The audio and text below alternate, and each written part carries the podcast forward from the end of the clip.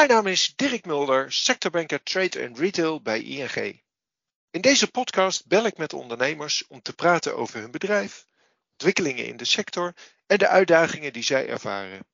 Doel van deze podcast is om andere ondernemers te inspireren. Vandaag ga ik in gesprek met Okke Albers, oprichter en directeur van Studio Henk. Studio Henk is een bewust Nederlands designmerk dat mooie en functionele meubels maakt die een leven lang meegaan.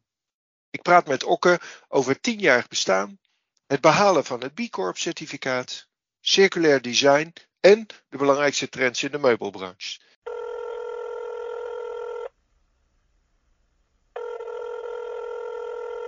Goedemorgen, Okke. Goedemorgen. Leuk dat, uh, dat ik er mag zijn, Dirk. Ja, uh, hartstikke mooi. En er is uh, heel wat om over te praten. Dus ik zou zeggen, laten we maar direct beginnen. Kun je wat vertellen over jezelf en uiteindelijk over Studio Henk? Ja, leuk, leuk, leuk. Nou, ik ben Okke Albers dus, zoals je aangaf. Ik ben samen met mijn broer Xander de oprichter van, van Studio Henk. Um, kortom, wij, wij maken meubels, uh, een, een, diversiteit daaraan van uh, tafels, stoelen, kasten, noem het maar op. Um, daarbij is, is mijn, mijn vrouw Corine nauw betrokken bij het bedrijf. Um, ja, en ons bedrijf heeft ja, een, een belangrijk doel en dat is wel de meubelsector verder verduurzamen. Want we zijn er wel achter gekomen dat niet altijd alles daar even netjes gaat. Hè? We, we, creëren nogal wat afval met, met elkaar en dat, dat willen we graag aanpakken. Um, ja, hoe, hoe zijn we nou eigenlijk begonnen? Want inmiddels bestaan we natuurlijk tien jaar. Ja. maar het is eigenlijk begonnen met dat Xander, mijn broer, um, van huis uit architect, en ik wij wonen een tijdje bij elkaar in Amsterdam en toen zijn we eigenlijk um, ja, zelf gaan kijken naar wat vinden we leuk. En toen kwamen we toch eigenlijk uit op, op, op meubels maken.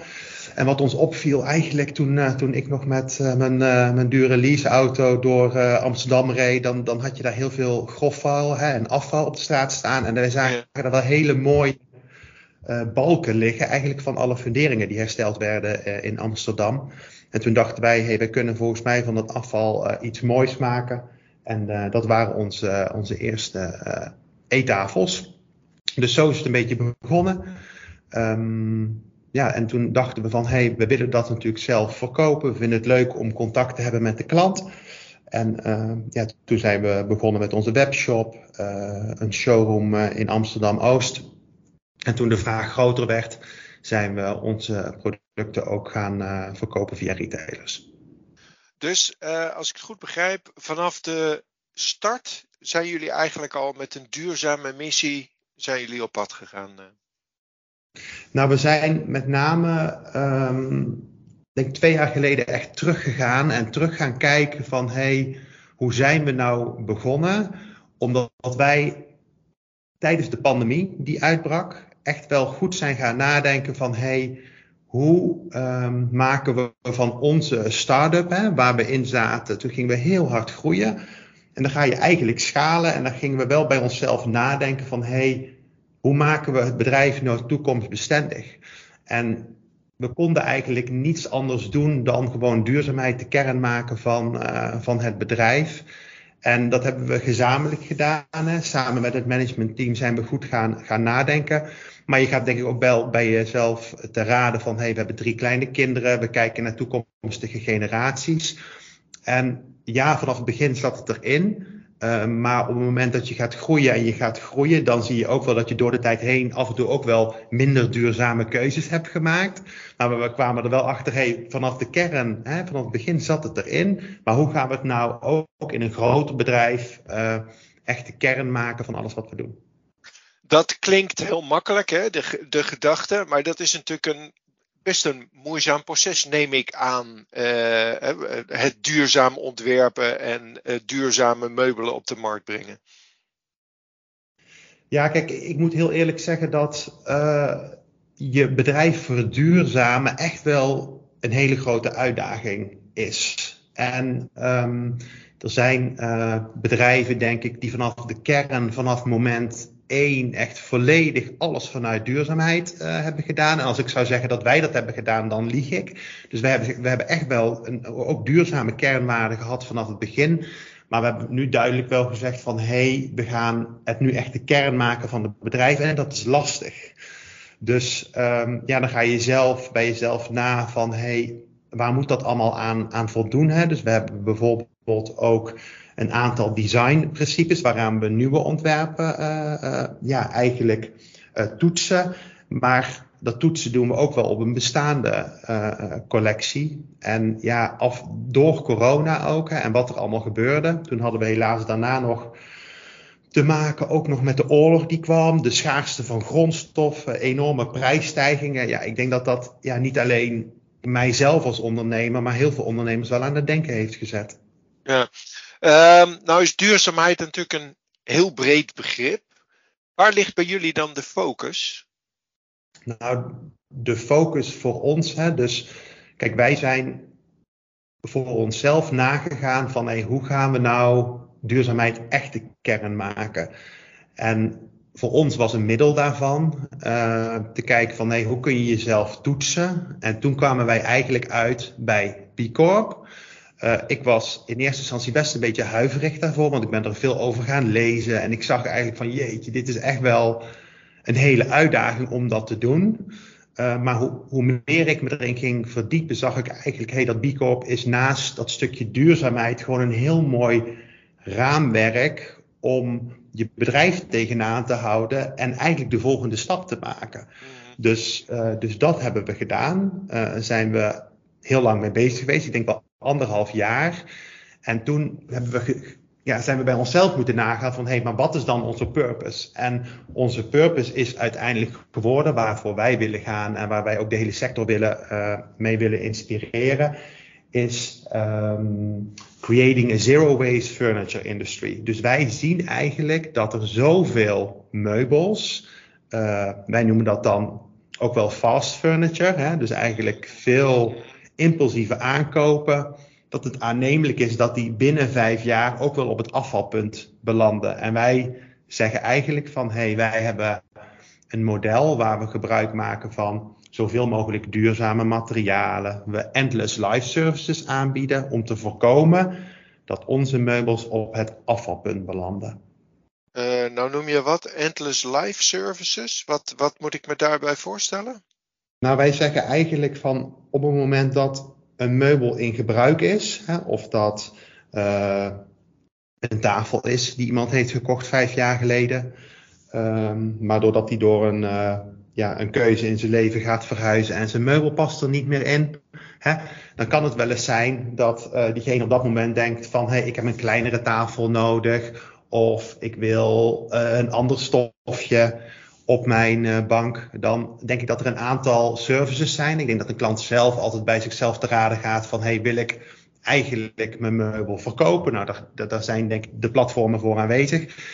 Maar als diegene eigenlijk zegt van hey, ik wil een nieuwe stof, dan bieden wij eigenlijk de services aan om een product te laten herstofferen. Of wij bieden aan om een product weer in te nemen tegen een vergoeding, zodat iemand wel zijn juiste maat of kleurafwerking uh, kan bestellen. Is dat dan alleen maar jullie eigen spullen of gaat dat veel breder en uh, gebruik je dan dat soort uh, ja, uh, meubelen dan weer als basismateriaal? Nou, we doen eigenlijk, ehm, nu zijn we aan het kijken van hey, hoe kunnen we die services nou naar een, voor, ja, eigenlijk breder beschikbaar maken. Dus nu zeggen we, hey, je kunt je Studio Henk meubel bij ons inleveren. Hè? Dat kan geruild worden. Dus we doen dat nog niet met andere meubelen. Wat we wel zeggen bij andere meubelen, van hey, we kunnen ze in, innemen en zorgen dat dat uh, bij de juiste reststromen uh, terechtkomt. Dus dan wordt het wel uh, gesplitst. Maar waar we zelf eigenlijk tegenaan lopen, hè, want kijk, je wil echt duurzaam zijn en het goede voorbeeld geven en, en daarbij zeker ook inspireren. Want ja, ik denk dat dat uh, belangrijk is uh, uh, om te doen. Um, dat we kijken dat als je een service aanbiedt, dat die ook enigszins betaalbaar moet zijn. En we zien dat wanneer je iets wil laten herstofferen, dat er een aantal componenten bijvoorbeeld in zitten die het heel duur maken. En vaak is dat onder andere transport. En wij zien dat als wij iets aanbieden om te herstofferen, dat we eigenlijk met elkaar vinden van hé, hey, we moeten het doen, we bieden het aan, maar eigenlijk vinden wij het nog wel heel kostbaar. En dat is natuurlijk uh, zonde, want uh, het liefst wil je het heel betaalbaar maken. Um, maar als het niet heel betaalbaar is, moet je het dan niet brengen of moet je het dan toch ook brengen om in ieder geval het voorbeeld te zetten en met elkaar heel druk bezig te zijn van hé, hey, hoe kunnen we nou zorgen dat iemand bijvoorbeeld ook zijn meubel kan brengen naar een punt. In plaats van dat wij het weer moeten ophalen en weer moeten terugbrengen. Want dan is de neiging van de klant eerder ook van ja, daar kan ik net zo goed een nieuwe bestellen. En dat willen wij eigenlijk voorkomen. Naarmate het bedrijf groeide, kwam ook het besef dat de meubelindustrie een keerzijde heeft. Namelijk die van enorme afvalproductie en een record aan CO2-uitstoot. Geïnspireerd door bedrijven over de hele wereld begon partner Corine de Bruin, hoofd duurzaamheid, met het doorvoeren van veranderingen in het bedrijf. Studio Henk heeft sindsdien grote en kleine stappen gezet om zich in te zetten voor een afvalvrije meubelindustrie. Klinkt goed, maar dat is toch helemaal niet zo makkelijk? Nee, klopt. Maar we kijken natuurlijk ook wel een van die designprincipes. Onder andere is van, hey, als je een stoel hebt bijvoorbeeld, hoe goed is die uit elkaar te halen? Dus in, in, als je iets wil herstofferen, zou je ook kunnen kijken van, hey, stuur dan alleen het component op waarvan je wil dat dat uh, wordt hersteld. En natuurlijk zijn er altijd een aantal uh, grootmeubelen, ook tafels, weet je. Dus uh, ik denk dat we zeker moeten zoeken in de hele breedte, wat kun je aanbieden en hoe kun je het betaalbaar houden voor de klant? Want Kijk, circulariteit is mooi, duurzaamheid is ook mooi, maar we willen ook dat de klant het gaat, uh, gaat omarmen. Ja, nou praat jij dus over die endless life services hierin, maar ik, ik, neem aan dat het bij jullie ook gaat om de verkoop van producten, ook van nieuwe producten. Waar loop je daar dan tegenaan als je die meer circulair wil maken of volledig circulair wil maken? Um, nou, vaak is het um, prijs en kosten. Dus en ik, het gaat vaak het gaat over de producten, maar het gaat vaak ook wel over uh, verpakkingen heel veel. Dus kijk, wij uh, hebben het, het model dat wij onze uh, producten zelf ontwerpen. En het zijn fabrieken die het voor ons maken. En die fabrieken die uh, producten voor ons maken, die maken ook producten voor andere uh, merken.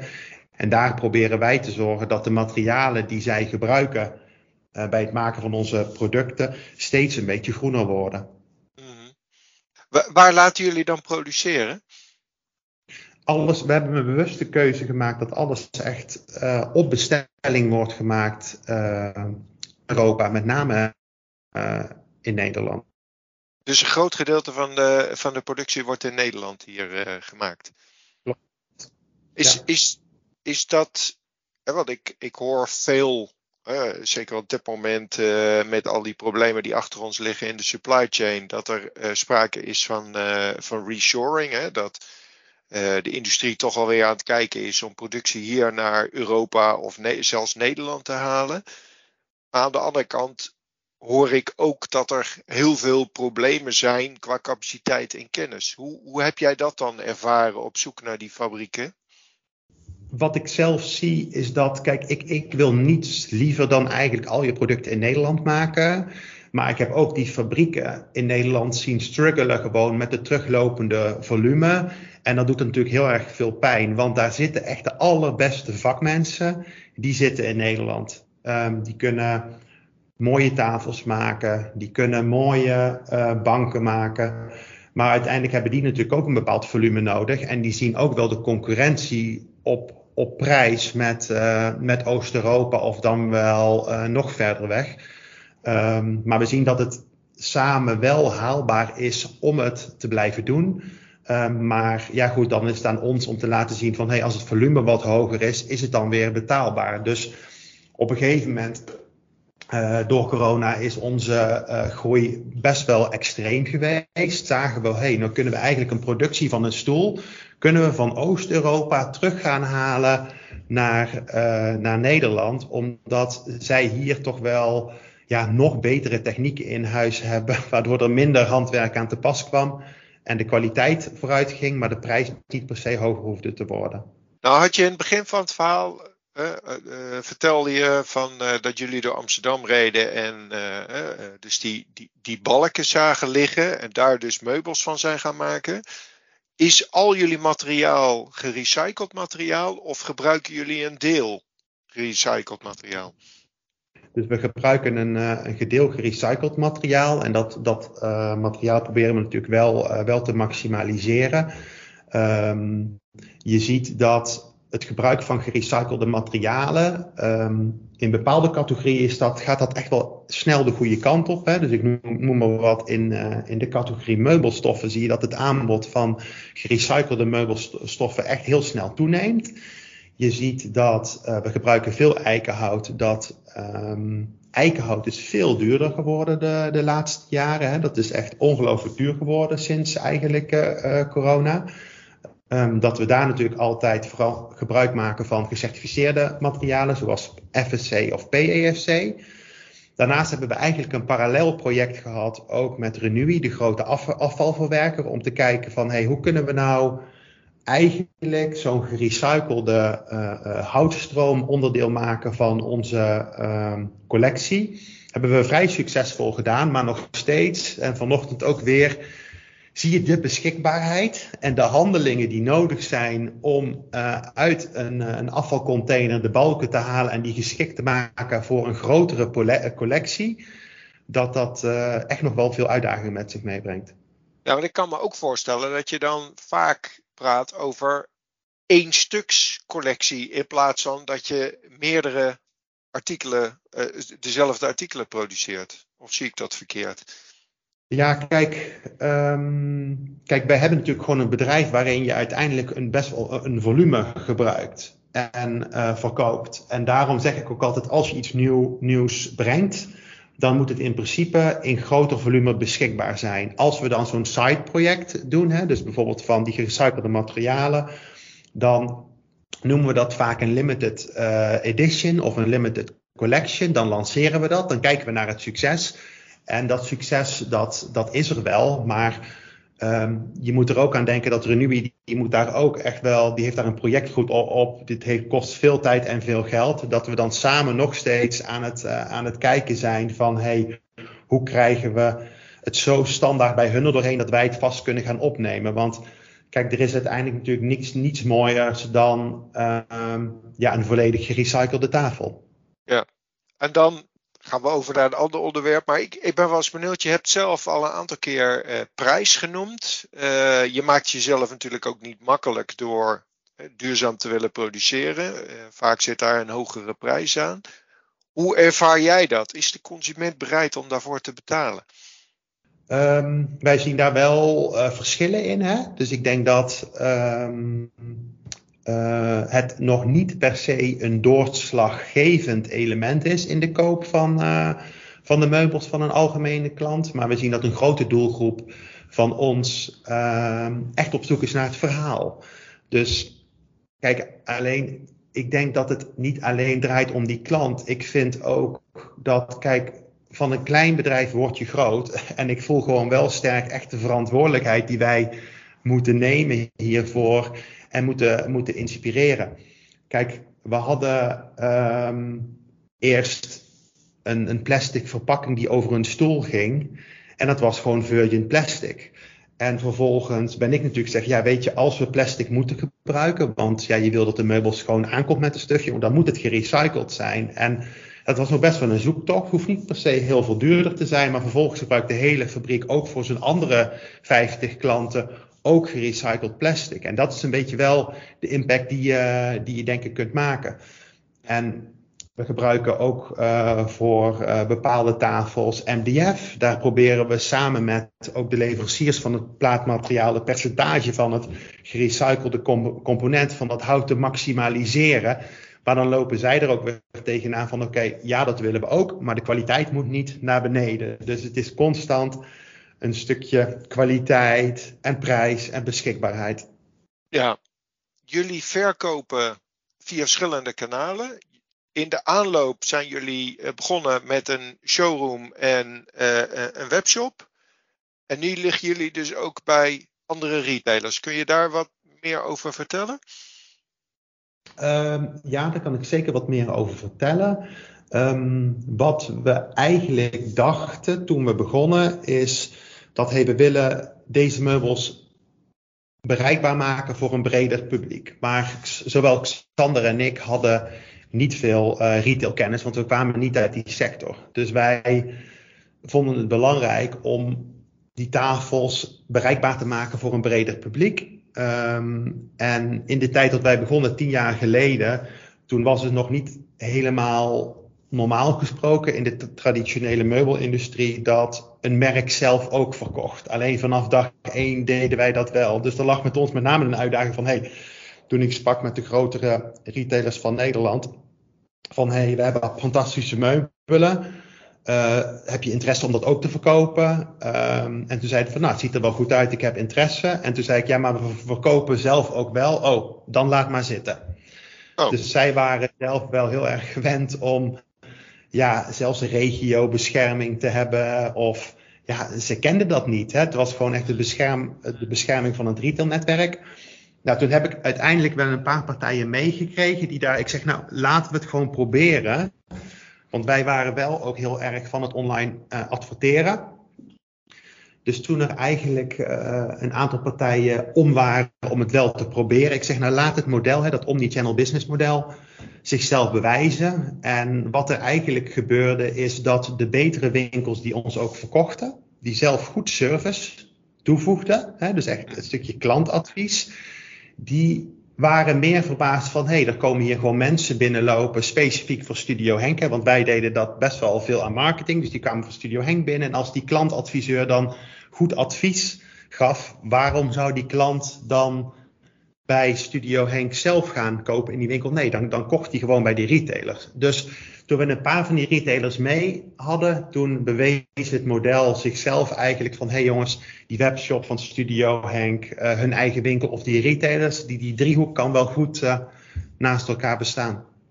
Nou, kan ik me herinneren, maar uh, wij zijn een tijdje geleden, heeft, of het heeft geduurd dat wij zeg maar nieuwe meubelen gekocht hebben, maar dat als je door zo'n meubelwinkel loopt, dat daar vaak geen merken bij staan. Is dat bij jullie dan anders? Uh... In principe worden onze meubels bij die retailers verkocht onder het merk Studio Henk.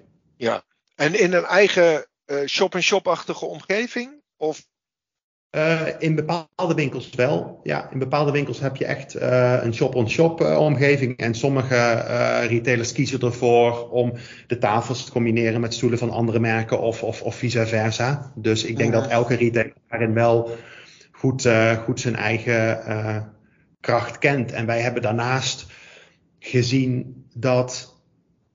Kijk, in de retail en vooral, vooral ons segment, het zijn best wel flinke aankopen.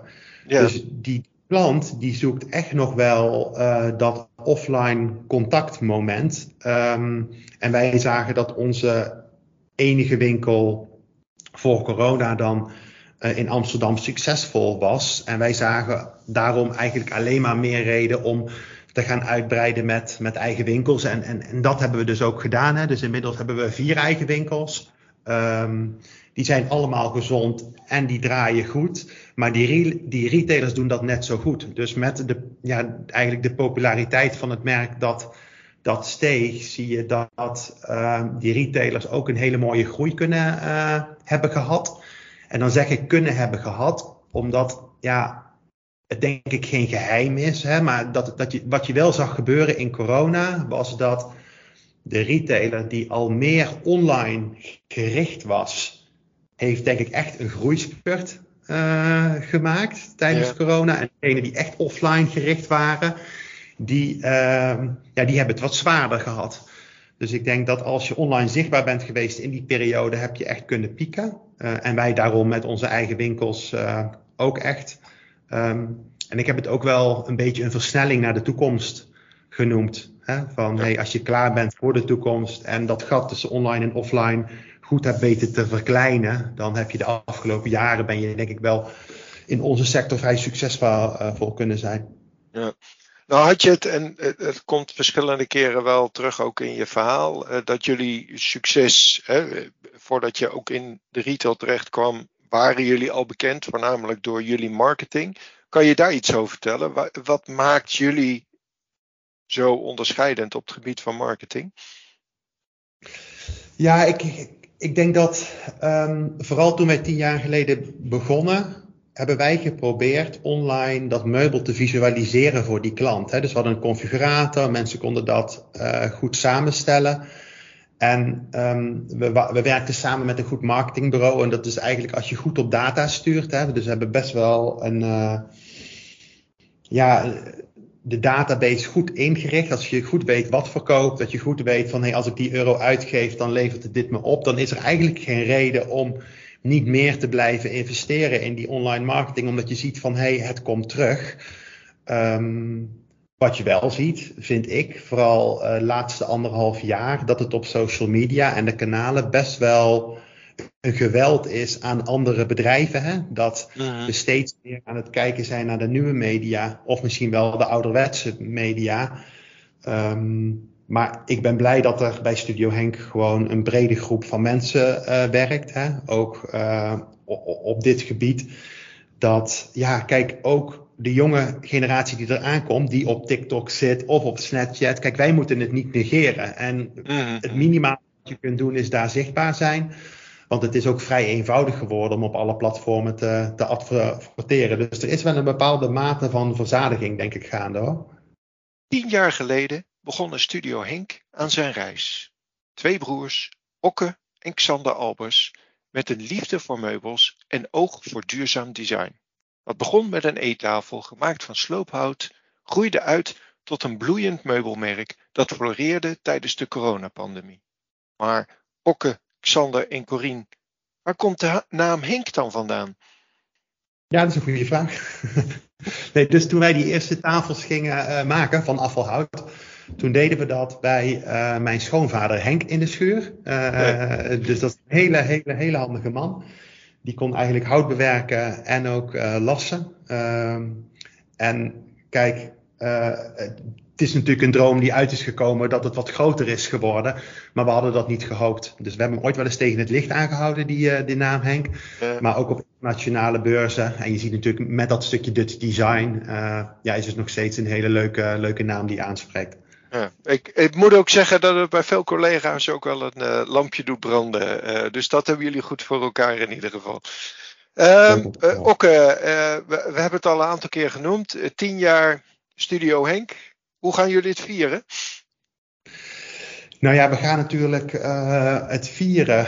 Uh, het viel heel mooi samen met ons uh, B Corp bestaan of ons het behaal daarvan eigenlijk. En kijk, wat we gaan doen, we gaan een beetje uitpakken. Dus we hebben een hele mooie campagne waarmee we naar, naar buiten gaan. En ehm, daar gaan we laten zien eigenlijk dat ons bedrijf uh, klaar is voor de toekomst. En we nemen daar de klant uh, in mee. En we willen de klant natuurlijk ook, uh, ook wat leren. Want als de klant wat bewuster hun aankoop doet, dan, dan doen wij ook weer een beetje goed terug voor de wereld. -hmm. Volgens mij hebben jullie ook een aparte collectie voor, zeg maar om dat tienjarig bestaan te vieren geïntroduceerd. Klopt, dus we hebben het eerste deel van die grote collectie, we noemen dat eigenlijk Anniversary Collection Part 1. Dus we hebben een eerste mooie meubelset uh, gelanceerd in januari. We hebben onlangs dus onze nieuwe buitencollectie, de Trace collectie, uh, gelanceerd. En in september komt dan uh, deel, deel 2 eraan. Waarin we eigenlijk een beetje terugkijken naar de succesvolle modellen die we hebben gehad. Dus als je bijvoorbeeld kijkt naar ons butterfly tafelmodel, dan wordt die straks in september uitgebracht in een, in een versie 2.0. Die uh, nog wat duurzamer is, maar die wel een knipoog is naar het succes wat, uh, wat we tot nu toe hebben gehad. Hartstikke mooi. Ook dat heb je gezegd, hè? jullie zijn B Corp geworden. Dat had voor jou best een hele uh, grote waarde. Wat, wat, is die waarde voor jou voor dat B Corp certificaat? Ja, ik zie het als uh, het mooie raamwerk wat ik aangaf. Met een mooie uh, score, met een mooi nulpunt als het ware. om uh, vanuit verder te gaan. Weet je, want ik denk dat um, het heel goed is dat je het behaalt, maar dat het met name ook gaat om alles wat we nog kunnen, kunnen verbeteren. En B-Corp is natuurlijk heel breed, hè? dus dat zit op, op, op heel, veel, heel veel vlakken.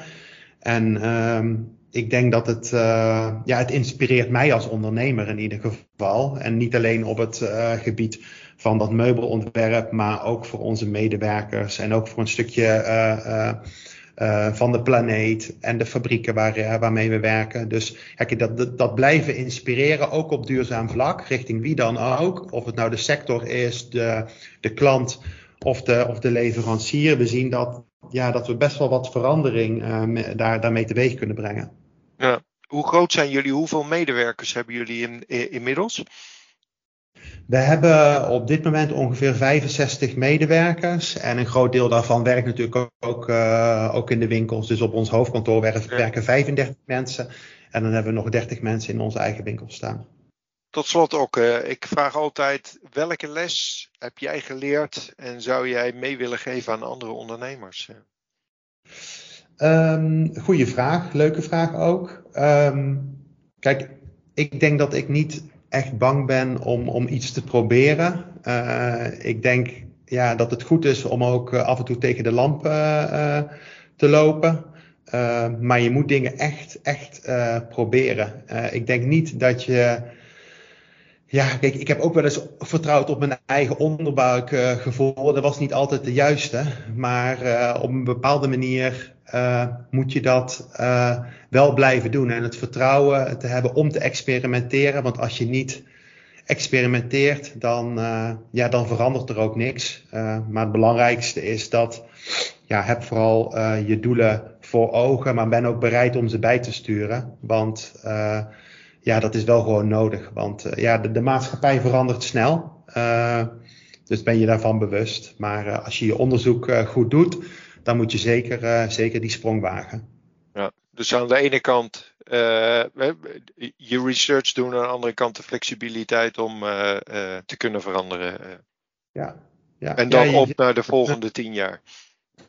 Ja, zeker op naar de volgende tien jaar. En we, ja, ik hoop gewoon dat we ja, mensen kunnen blijven inspireren. En zeker ook andere ondernemers om, het, ja, om mooie dingen te maken, maar zeker ook met een, een duurzaam karakter. Als, je, als, als wij elkaar nou over tien jaar weer zouden spreken, wat zou je willen hebben bereikt? Nou, ik hoop dat we nog meer impact kunnen maken. Dus dan uh, ja, hopen we toch wel ook uh, in Europa in, in, in nog meer landen actief te zijn geweest. Um, en ja, dan, dan denk ik dat we een, een mooie scala aan, die, uh, aan een serviceprogramma hebben opgezet. En dat we niet alleen meubels verkopen, maar zeker ook uh, meubels uh, aanbieden die mensen kunnen leasen. Zodat het niet alleen maar om verkopen gaat, maar dat er denk ik ook wel een stukje nieuw bedrijfsmodel achter zit. anders dan puur gericht en alleen op, op verkoop. Hartstikke mooi. Dank voor dit uh, leuke gesprek. Ik wens jullie een onwijs mooi jaar uh, uh, om jullie jubileum te vieren. En ik zou zeggen op naar de volgende tien jaar. Super, gaan we doen. Dankjewel. Dank. En dan spreken we weer. Dankjewel Dirk. Deze podcast maakt onderdeel uit van een serie gesprekken met ondernemers uit de sector trade en retail. Meer podcasts en informatie over de sector vind je op ing.nl. Wil je nou zelf een keer meedoen aan een podcast? Mail me dan op dirk.mulder.ing.com.